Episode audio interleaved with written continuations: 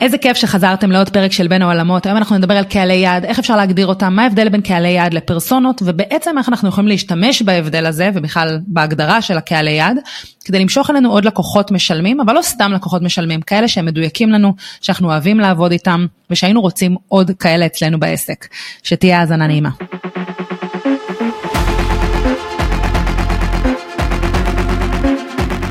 ברוכים הבאים והבאות לפרק נוסף של בין העולמות, אני קרן רייטלר, סטורי טלרית ושותפה שיווקית לארגונים ועסקים. כחלק מהעבודה שלי אני מזקקת מסרים, כותבת סיפורי מותג ומתרגמת אותם לנכסים דיגיטליים. בין העולמות הוא פודקאסט שמבקש להביא רעיונות חדשניים לשיווק ועולמות התוכן שמתחברים אליו. יחד עם המרואיינים והמרואיינות שלי אני מביאה קול חדש ודרכי חשיבה שיעזרו לאנשי שיווק וארגונים להצליח במאמצי השיווק שלהם. והיום, כמו שאמרתי, אנחנו הולכים לדבר על קהלי יעד ואיך הם יכולים למעשה לעזור לנו בעסק. אז בואו נתחיל מזה שהגדרה של קהלי יעד עבור המותג או העסק שלכם, זה הבסיס הראשוני שצריך ליצור כדי לזקק את המסרים הנכונים שיובילו להתעניינות, רכישה של השירות או המוצר שלכם. ואני אומרת שזה הדבר הראשון שצריך לעשות, כי אנחנו צריכים להבין אל מי אנחנו מדברים. בפרק הזה, לא רק שאני אדריך אתכם איך להגיע לקהלי היעד, אלא גם ממש איך לדבר לקהל בצורה נכונה, דרך התוכן, ולחזק את הבסיס המיתוגי שלכם, כדי שהעבודה שלכם תהיה חכמה יותר ולא קשה יותר. לפני כמה חודשים עשיתי מיתוג חדש לעסק שלי, אם עקבתם ראיתם ממש שהיה אה, שינוי ויזואלי מאוד מאוד נרחב לעסק שלי, אבל מה שזה אומר מאחורי הקלעים זה שהתחלתי את כל הבסיס מההתחלה. ממש מהם המסרים שלי, השפה הוויזואלית, הגדרתי USP שזה Unique Selling Proposition, אה, או בעברית הצעת המכר הייחודית עבור השירותים שלי. עשיתי מחקר מתחרים מההתחלה, כתבתי תכנים, אפיינתי אפילו את האתר שלי בצורה אה, שונה. אבל כל העשייה הזאת בעצם מבוססת על משהו שהוא מאוד ספציפי, וזה בעצם קהל היעד שלי. עכשיו, גם קהל היעד שלי השתנה, הוא כבר לא אותו קהל מדויק שפניתי אליו לפני אה, שנתיים כשעשיתי את האתר הקודם. אז בין כל הבסיס החדש והשונה לעסק שלי ניסיתי להבין איך אני יכולה לעזור לאחרים לא רק לאפיין את קהל היעד שלהם, אלא גם להגיע אליו בקלות. וזאת למעשה המטרה של הפרק הזה. להבין איך אנחנו יכולים רגע לא רק לסמן וי ולעשות, אה, להגדיר קהלי יעד רק בגלל שמישהו אמר לנו שאנחנו צריכים, אלא בכלל גם להבין למה אנחנו בכלל צריכים קהל יעד ולהגדיר אותו, אבל גם איך להגיע לשם הכי מהר בלי יותר מדי התבחבשות בדרך. אז בואו באמת נבין למה אנחנו בכלל צריכים קהלי יעד. אז, ומה זה אולי קהל יעד? אז קהל יעד הוא בעצם קבוצה עם פוטנציאל צריכה של השירות או המוצר שלנו. וכשאני אומרת קבוצה, אז מדובר באיזושהי אה, קבוצה שיש לה מאפיינים ספציפיים, ואנחנו נרצה לדבר אליהם בתוצרי השיווק שלנו. זאת אומרת, אנחנו רוצים למשוך קבוצה מאוד מאוד ספציפית, שיש לה מאפיינים ספציפיים, ואנחנו צריכים בעצם להגדיר את המסרים שלנו מראש, כדי שידברו בשפה שלהם, שיגעו אולי בנקודות אה, של הבעיה שלהם, ובעצם נמשוך אותם להקשיב ולהבין יותר מה קורה אצלנו בעסק. אז אני רוצה לתת רגע דוגמה שהיא יחסית פשטנית שהיא גם מובנת. נניח שיש לי קייטרינג לאוכל טבעוני ובריא וקהל היעד שלי אה, הוא אימהות עובדות בין הגילאים 30 עד 42 מאזור המרכז שחוות קושי עם הזנה בריאה של המשפחה שלהן. ונניח שגם יחד עם הבן זוג שלהם המשפחה מרוויחה 35 אלף שקלים בחודש ומעלה. מעולה. למה זה פשטני? כי זה מתייחס לדברים שהם דמוגרפיים, אבל למרות שזה הבסיס שלנו, אנחנו נצטרך לרדת קצת יותר לעומק ולהבין את החוויה של הקהל יעד. מה החששות שלו, המוטיבציות, מה השינוי שיעשה בעזרת השירות או המוצר שלנו. אז אם אני ממשיכה עם הדוגמה שלי, אני יכולה לנחש שאם מדובר באימהות עובדות, אז אין להן המון זמן. ואם אין להן המון זמן, אז את הזמן הכן פנוי שיש להן, הן היו מעדיפות לבלות עם הילדים שלהם.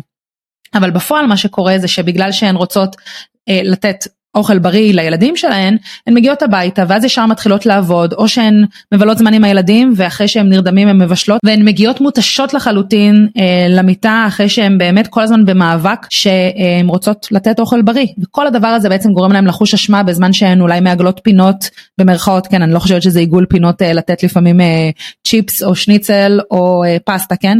אבל זה גורם להם לחוש אשמה שהיא מאוד מאוד גדולה ברגע שהן אה, נניח לא ממש עומדות אה, על הקטגוריה של, של הבריאות. נניח, בסדר, כמובן שאפשר לרדת עוד ולהעמיק יותר עם החוויה הזאת וזה בעצם מה שהופך את ההבנה של הקהל שלנו למשהו שאנחנו יכולים כבר להתעסק איתו בשיווק שלנו. אנחנו יכולות ממש לחשוב על החוויה הזאת ולהבין איך אנחנו במרכאות תוקפות אותה כשאנחנו בעצם מציעות את שירותי הקייטרינג שלנו, כן? שירותי קייטרינג כשם קוד. אז בגדול מה שאתם צריכים לדעת זה ש... קהל היעד מתחלק כמובן על פי מדדים דמוגרפיים, זה מה שאמרנו בהתחלה, תחומי עניין והיסטוריית הקנייה שלהם, בסדר? וכפי שבטח שמעתם בדוגמה שנתתי, אנחנו מנסים להבין מי הם קהל היעד, אבל המשך וזיקוק קהל היעד לא, לא עוצר כשאנחנו מנסות להבין רק מה החוויה של אותו קהל. אז יש לי כמה שאלות שאני שואלת שממש עוזרות לדייק יותר את הקהל ולפני זה אני רוצה רגע לפתוח סוגריים ולהגיד שאנחנו תמיד מדברות על קהל היעד, קהל היעד, קהל היעד, אחלה, אני שמה את זה בצד. הקהל שאנחנו באמת רוצות לכוון אליו הוא מקבלי החלטות. אני אתן דוגמה כדי שזה יהיה יותר ברור. אם יש לנו מוצר שמכוון לילדים, אנחנו צריכים להבין שקהל היעד שנהנה מהמוצר הם הילדים, אבל הם לא מי שרוכש ומקבל את ההחלטה על הרכישה של המוצר. ולכן המסרים שלנו צריכים להיות ממוקדים ברוב המקרים כמובן, אל ההורים, אל מי שחותם על הצ'ק. אם יש לי עכשיו הרצאה או סדנה שאני רוצה למכור אותה לארגונים ואני עכשיו מטרגטת אה, נשות HR או מנהלות של קבוצה מסוימת, אני צריכה להבין האם הן גם חותמות על הצ'ק. האם כשאני נפגשת עכשיו עם VPHR יש לה את היכולת, טוב אם היא VP אז כנראה שכן, אבל האם יש לה את היכולת לבוא ולאשר לי את הצעת המחיר שלי, או האם אני צריכה גם פגישה עם המנכ"ל, או האם אני צריכה לבוא ולהעביר את המסרים שלי בצורה כזאת שהמנכ"ל או המנכ"לית כמובן ידעו גם מה, ה, אמ, גם מה הבנפט שאני מציעה. מי חותם על הצ'ק זה משהו שמאוד מאוד חשוב וברוב המקרים כשאנחנו ככה מנסים להבין מי קהל היעד שלנו אנחנו מתעלמים לחלוטין מהעובדה שלא תמיד מי שאנחנו רוצים למכור להם את המוצר שלנו הם גם אלה שבעצם משלמים או מאשרים את התשלום. אז אחרי שהבנו בעצם את הדבר הזה בואו נדבר בעצם על שלוש שאלות שאני אוהבת לשאול.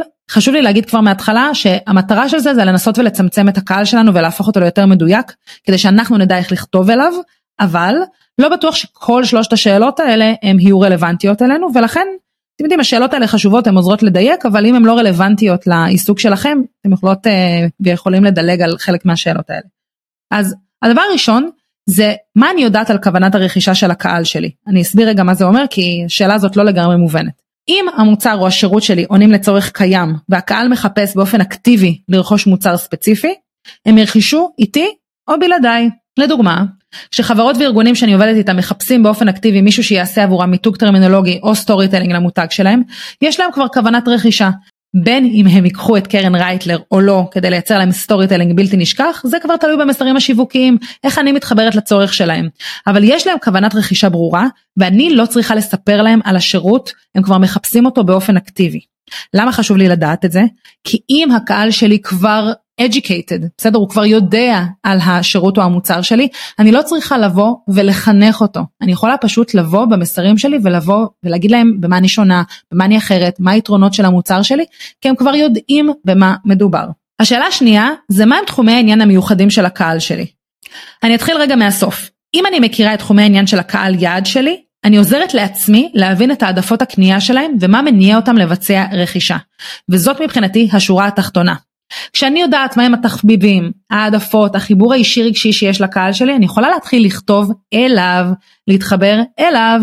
אז בואו ניקח רגע דוגמה שאני מאוד מאוד אוהבת, אה, ואני אוהבת אותה כי אני מתרגלת יוגה כבר הרבה מאוד שנים.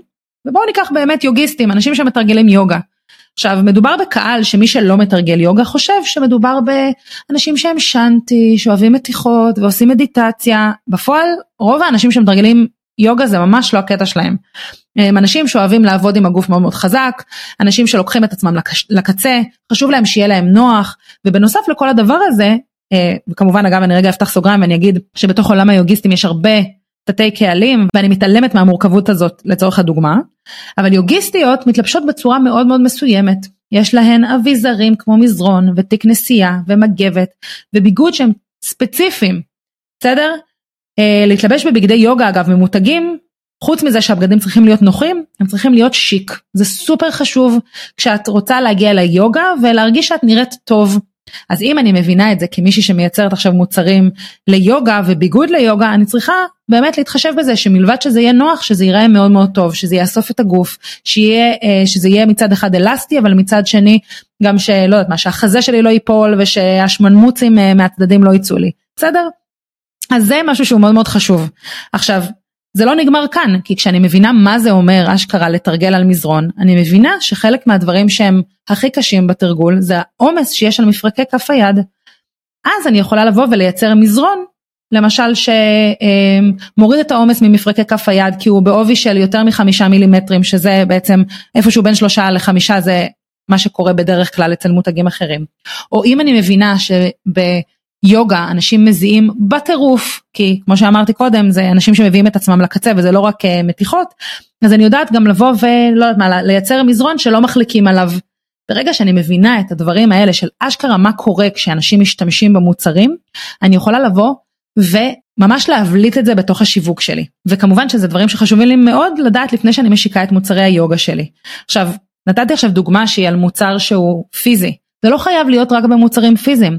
אם אני מבינה מהם תחומי העניין המיוחדים של קהל היעד שלי ומה מתחבר אליהם, אני יכולה לעשות את זה בצורה שהיא טובה יותר. נניח שאני מאמנת כושר וירטואלית. בסדר, יש לי עכשיו איזשהו קורס דיגיטלי ויש לי ליווי ואני לא פוגשת פנים מול פנים את המלווים שלי. אבל אני מבינה שאחד הדברים שהכי קשים להם זה למעשה לשמור על התזונה שלהם, להיות במעקב על מה הם אוכלים, אה, להבין קצת יותר איך הם מאזנים את רמות החלבון שלהם כדי שהם יספיקו להם כאנשים שמתאמנים. אם אני מבינה שסופי שבוע זה החלק שהכי קשה לשמור עליו כי יוצאים ושותים עם חברים ומעשנים איזה ג'וינט ואז יש אה, איזשהו munchies אה, ובא לי craving. אם אני מבינה את כל הדבר הזה ואני לא מתעלמת מזה שזה קורה, אני יכולה גם לבוא ולהציע לקהל שלי איזשהו ליווי שבעצם תומך בדיוק במקומות האלה. לא יודעת, זה לא באמת, אתם יודעים, אמיתי, זו דוגמה שיוצאת לי עכשיו מהראש. אבל ברגע שאני יודעת לא רק לאן אני רוצה להגיע, בסדר? ומה המציאות שאני רוצה לייצר לקהל שלי, אלא מבינה את החוויה ומהם הנקודות שבירה בתוך החוויה הזאת, אני יכולה לבוא ולהתאים את המוצרים שלי וגם את המסרים שלי, כדי שיבינו שאני מבינה אותם. וכמו שאמרנו, זה הכי חשוב. השאלה השלישית שאני מאוד מאוד אוהבת, זה מה התרבות של הקהל שלי. ואני יודעת שכשאני מדברת על קהל, אז מאוד חשוב לנו לבוא ולהגיד מאיפה האנשים האלה הגיעו.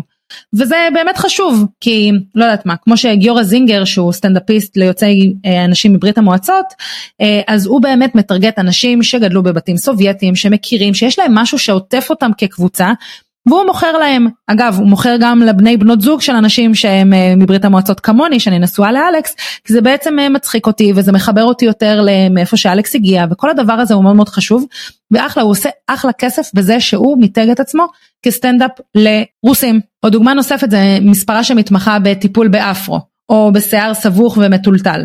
בסדר? למרות ששיער סבוך ומטולטל זה לא דווקא התרבות שאנחנו חושבים עליה. בסדר? יש הרבה מאוד אנשים עם שיער אה, מטולטל, אבל ברגע שאני מבינה מה עומד מאחורי החוויה של אותם אנשים עם שיער מטולטל, אני יכולה כבר להציג את המספרה שלי בצורה הזאת. אבל תקשיבו, זה קל, זה אינטואיטיבי לנו לחשוב על תרבויות בצורה כזאת.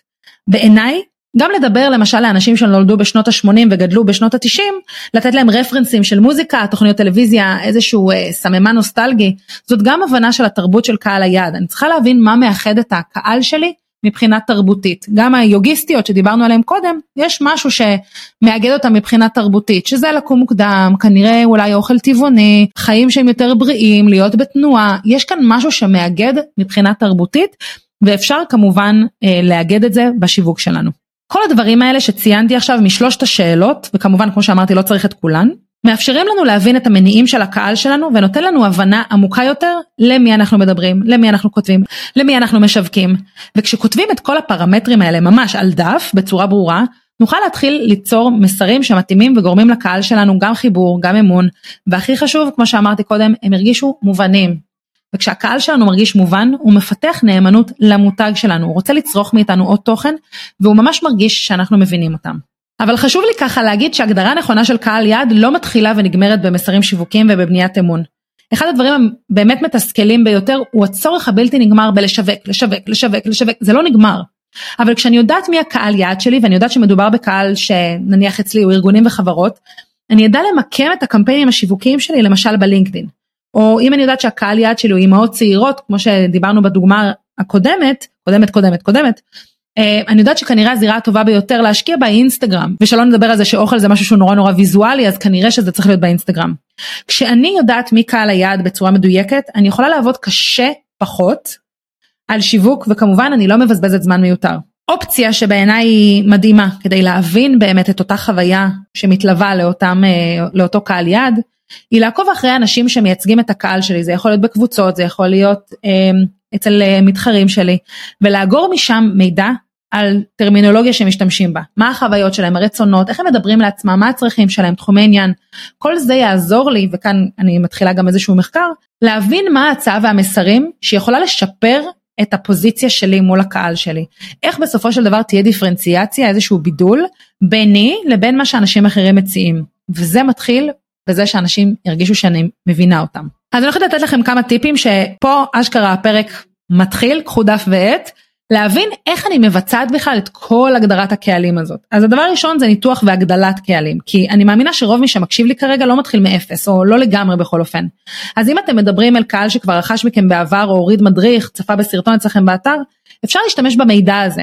בסדר? במקרה הזה הייתי מנתחת את הקהל שכבר הפך ללקוח או צרך את התוכן שלי, ומנסה לחלץ דווקא מפה כל מיני נתונים שיעזרו לי להבין מה הצרכים של הקהל וגם איזה מסרים עבדו, יעבדו, למה הם יתחברו. וכשאני מגדילה קהלים ואני משקיעה בעצם בקהלים שלי ומדברת אליהם, היופי הוא שאתם יודעים לא כל לקוח הופך ללקוח משלם, אז חלקם יהפכו לשגרירים והם אלה שיפנו אליי בסופו של דבר לקוחות משלמים.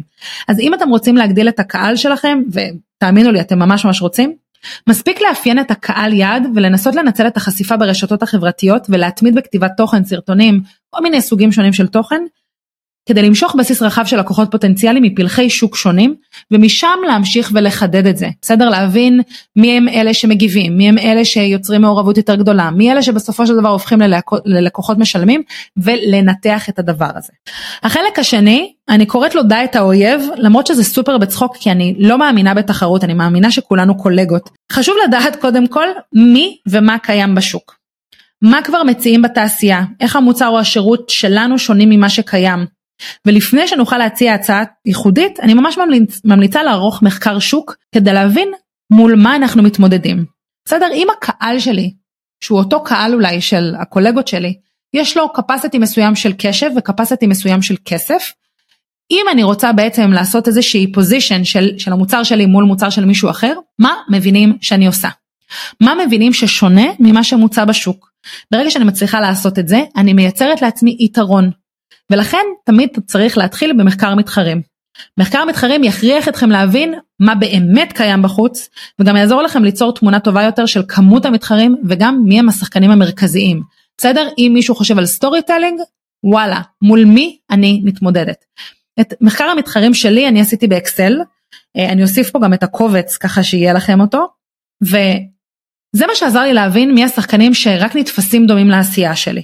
בסדר? מי כשמגגלים, לא יודעת מה, storytelling, מי עולה? מי באמת נותן ערך לקהל, מהם המוצרים שקיימים בתחום, ועבורי זאת הייתה ממש הזדמנות מצוינת למצוא את הצעת המכר הייחודית שלי, את ה-USP, את ה-Unique Selling Proposition. רוב הלקוחות שהגיעו אליי, קטנים, גדולים, פסחו על מחקר המתחרים, זה היה נראה להם מיותר, אבל אני יכולה להבטיח לכם שמחקר מתחרים יחשוף איומים שלא ידעתם שקיימים, וגם יעזור לכם ליצור תוכנית עבודה ש... שעוזרת להדק את המסרים שלכם. ואגב, תמיד יש איומים לצד הזדמנויות כמובן. הדבר השלישי הוא טרנדיות, ואני באמת רוצה להבין מה זה הטרנדים שהולכים היום, שאני יכולה אולי ככה לרחב עליהם ולהגיע לתודעה של הלקוחות שלי. כשהקורונה רק פרצה אי שם במרץ 2020, היה טרנד מטורף של העברת וובינרים ללא עלות, והשוק נענה לזה, מה זה באהבה? עד שכמובן נמאס לו. אחר כך הייתה תקופה של כנסים דיגיטליים ממוקדים עם מספר מומחים בתחומים מסוימים, אתם בטח זוכרים את זה, ואחר כך הגיע תור הזהב של הקורסים הדיגיטליים ועכשיו אנחנו נמצאים בעיצומו של עידן ה reels והטיק טוק וה-AI והבינה המלאכותית. מה שאני רוצה להגיד הוא שחשוב לדעת איך לפרסם, למי ומהם הטרנדים שמובילים כרגע. הדרך הטובה ביותר להבין את זה היא להסתכל גם כמובן מה המתחרים או הקולגות שלנו עושים, איפה הם משקיעים את המאמצים שלהם וגם להיות מחוברים באמת לטרנדים שקורים היום ומה מעניין אותנו.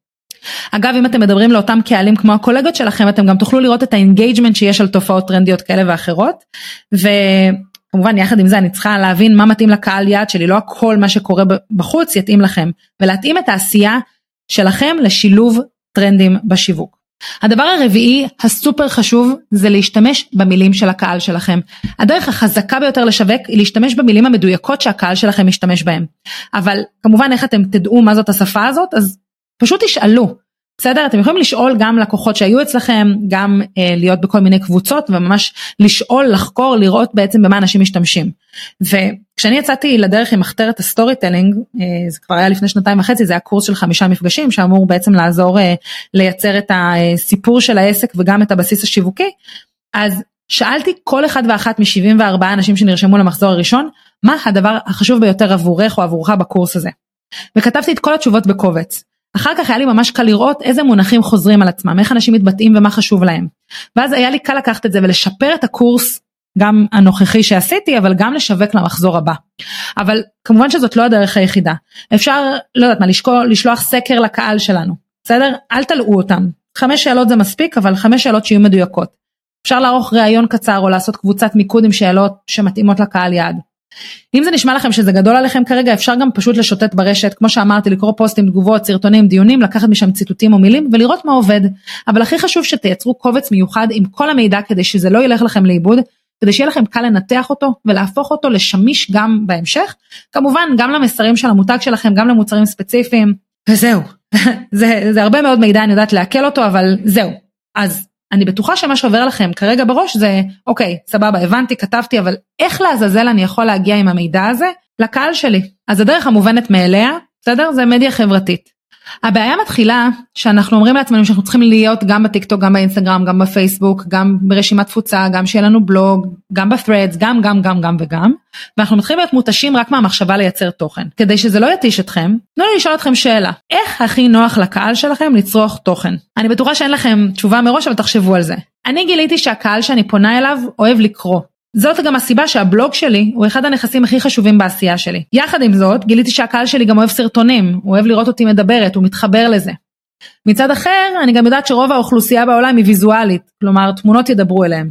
ועדיין, גם אני לא יכולה להיות בכל הרשתות כל הזמן. אז מה שאני ממליצה זה להתחיל בעצם עם פלטפורמה אחת או שתיים, ולהתמקד בעצם ביצירת תוכן שיווקי שם. אחר כך כשבעצם תצברו גם את הניסיון וגם תרגישו יותר נוח, תוכלו להתרחב לעוד פלטפורמות. בכל מקרה זה ממש לא משנה במה תבחרו, אני ממש ממליצה על פתיחת בלוג ושיהיה לכם אתר. כי אלה נכסים שאתם שולטים בהם, שולטים על התוכן שלכם ואי אפשר לשדוד מכם את השליטה עליהם, ואם זה משהו שאתם מרגישים שאתם יכולים אה, להתמודד איתו, אני ממש ממש ממליצה להתחיל משם. הדבר הנוסף הוא תוכן אורגני. תראו, אני מאוהבת בתוכן אורגני, אני כמעט ולא משתמשת בפרסום ממומן בחיי, ואני הולכת ל- כן להשתמש בפרסום ממומן, אבל זה באמת אחת הפעמים הראשונות שאני הולכת לעשות את זה. שיווק באמצעות תוכן, בסדר? אורגני, עם ערך גבוה שמדבר לקהל שלכם, הוא דרך מצוינת לבסס סמכות ואוטוריטה בתחום שלכם, במיוחד אם זה חפיס, אם זה סרצ'בילי, אם אנשים יודעים איך להגיע אליכם. וזו דרך מצוינת בעיניי להראות לעולם גם מי אתם ומה הערך שלכם, וגם להישאר בתודעה של הקהל שלכם כל הזמן. אבל לא רק, צריך להבין שלקוחות פוטנציאליים בודקים עליכם. אם אתם מציעים להם לרכוש משהו, הם יחפשו את האתר שלכם וירצו לטעום אתכם לפני הרכישה. זה יעזור ממש אם ברגע שהם מחפשים את השם שלכם, יש כל מיני סרטונים ביוטיוב, אה, מאמרים אינפורמטיביים בבלוג, סרטונים שמעבירים את האנרגיה שלכם, או אפילו ביקורות והשוואת מוצרים, יכולה לעזור להם לקבל החלטה לרכוש מכם. אז תגגלו את השם שלכם, תבינו מה עולה, ותבינו איך אתם יכולים בעזרת שינויים ויצירת תוכן חדשים, קצת לשנות את זה כדי, כדי שמי שמחפש עליכם יקבל איזושהי תמונה הרבה יותר עשירה וגם אולי שהמסר של מה שאתם עושים יעבור בצורה שהיא טובה. דבר נוסף זה שווידאו משאיר אבק לפוסטים הכתובים.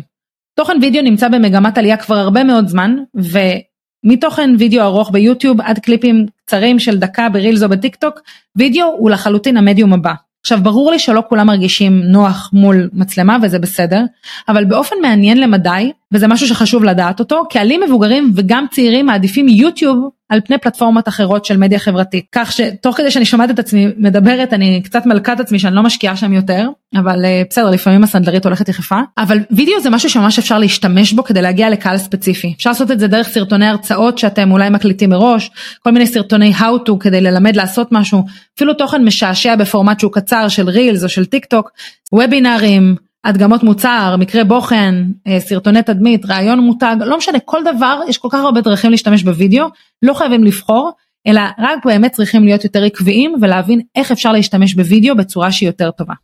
והדבר האחרון שאני אחלוק איתכם לפני שככה אני נותנת לכם לעכל את כל המידע הזה, זה משהו שאני קוראת לו המסע לאינבוקס. כל הסקירה שעשיתי לכם זה בעצם חלק קטן בתוך פאנל שיווקי. איזשהו משפך שיווקי שאמור באופן אידיאלי להמיר את העוקבים ואת מי שמבקר באתר, בסדר? בסופו של דבר לרשימת תפוצה. אתם בטוח מכירים את זה ונתקלתם את זה, בסדר? תשאירו פרטים, אני אשלח לכם מדריך חינמי. כל וריאציה אחרת של זה מדובר במגנט לידים. תראו, אם קודם טרחתי להגיד שכדאי שיהיה לכם אתר, אז פה אני רגע מוסיפה חטא על פשע ואומרת לכם שלא רק אתר, אלא כדאי שתהיה לכם גם רשימת תפוצה. כי רשימת תפוצה בעצם תעזור לכם לא רק לשלוט בקהל ולהגדיל אותו, היא תעזור לכם לתקשר איתו בכל מחיר בתנאים שלכם. רשימת תפוצה מפולחת, כזאת שאני יודעת בדיוק מאיפה כל אדם בתוך הרשימה הזאת הגיע, יעזור לי לשמור על הקשר עם הקהל, לשמור על engagement, מעורבות שהיא גבוהה, לתת הצעות רכישה, הנחות מיוחדות, אפילו לקדם כל מיני מוצרים ושירותים עתידיים, והכי חשוב, מדובר בקהל שכבר מכיר אתכם. ולכן נדרשת שם הרבה פחות עבודה כדי למכור. הם מכירים אתכם, את הערך שלכם, את התמורה שיש לכם לתת, וכמו שאמרתי מההתחלה, עדיף לעבוד חכם והרבה פחות קשה. כמובן שגם בתוך רשימת תפוצה אפשר לחזור, לחדד את הקהל, לדייק אליו, לדייק את המסרים, אבל הכל מתחיל ונגמר בדאטה, בנתונים, ביכולת ניתוח שלכם ובהבנה אמיתית של הקהל שלכם. אז אם אני רוצה ככה לסכם את הפרק שהוא באמת היה קצת יותר מורכב, צריך לנסות ולהבין אל מי אני מדברת. מי הקהל יעד שלי, מה הסממנים שלו, ואחרי שהבנתי את זה אני צריכה להבין מה החוויה שלהם. אחרי שאני יודעת מה החוויה שלהם בדיוק אני צריכה לזקק לעצמי מסרים שיווקיים, מה אני הולכת להגיד על המוצר שלי, איך אני מתחברת לצרכים של הלקוח. ואחרי שיש לי את זה אני צריכה להבין איך להגיע לקהל שלי. באיזה פלטפורמות הוא נמצא, איזה סוג של תוכן הוא אוהב, האם זה וידאו, אודיו, משהו שהוא כתוב, ולייצר לעצמי תוכנית שעושה היגיון. אני יודעת שזה הרבה מאוד תוכן, אבל זה baby steps, תתחילו קודם בלהבין מי הקהל, וכמובן אם יש לכם שאלה אתם תמיד מוזמנים לפנות אליי. זהו להיום, אני מקווה שנהניתם מהפרק הזה, אנחנו נתראה בפרק הבא, ושיהיה יום קסום בינתיים. להתראות.